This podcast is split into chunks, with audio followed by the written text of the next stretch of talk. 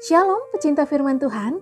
Saat ini Anda sedang mendengarkan renungan harian Diaspora Sejahtera Batu yang berjudul Abram dan Abraham. Bacaannya diambil dari Kejadian 17 ayat 1 sampai 8. Sunat sebagai tanda perjanjian Allah dengan Abraham. Ketika Abram berumur 99 tahun, maka Tuhan menampakkan diri kepada Abram dan berfirman kepadanya, Akulah Allah yang Maha Kuasa. Hiduplah di hadapanku dengan tidak bercelah. Aku akan mengadakan perjanjian antara aku dan engkau, dan aku akan membuat engkau sangat banyak. Lalu sujudlah Abram dan Allah berfirman kepadanya, Dari pihakku, inilah perjanjianku dengan engkau. Engkau akan menjadi bapa sejumlah besar bangsa. Karena itu namamu bukan lagi Abram, melainkan Abraham karena engkau telah kutetapkan menjadi bapa sejumlah besar bangsa. Aku akan membuat engkau beranak cucu sangat banyak. Engkau akan kubuat menjadi bangsa-bangsa, dan daripadamu akan berasal raja-raja.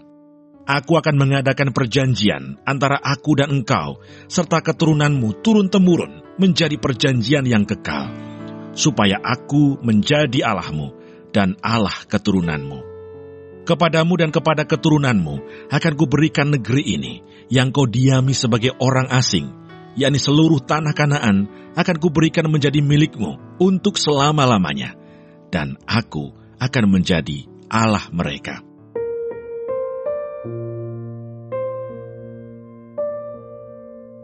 Karena itu namamu bukan lagi Abram, melainkan Abraham, karena engkau telah kutetapkan menjadi bapa sejumlah besar bangsa.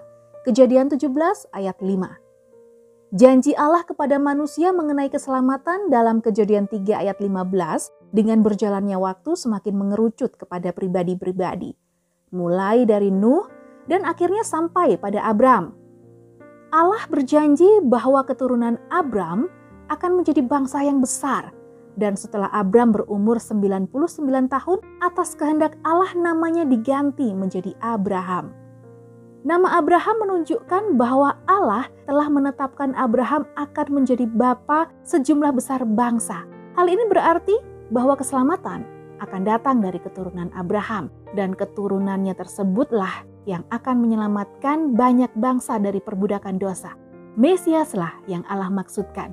Mesias yang akan menebus dosa-dosa manusia sehingga banyak bangsa diselamatkan.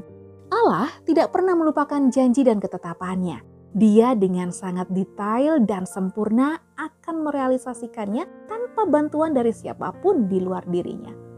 Manusia sebagai penerima janji Allah harus punya keyakinan yang kuat kepadanya. Keyakinan itu harus terus dipelihara supaya ketika manusia menantikan janji itu, dia tidak menggunakan akalnya sendiri untuk merealisasikan janji Allah.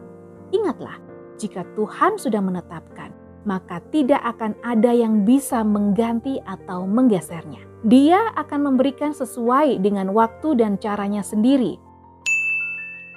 Tuhan akan menetapkan engkau sebagai umatnya yang kudus seperti yang dijanjikannya dengan sumpah kepadamu jika engkau berpegang pada perintah Tuhan Allahmu dan hidup menurut jalan yang ditunjukkannya.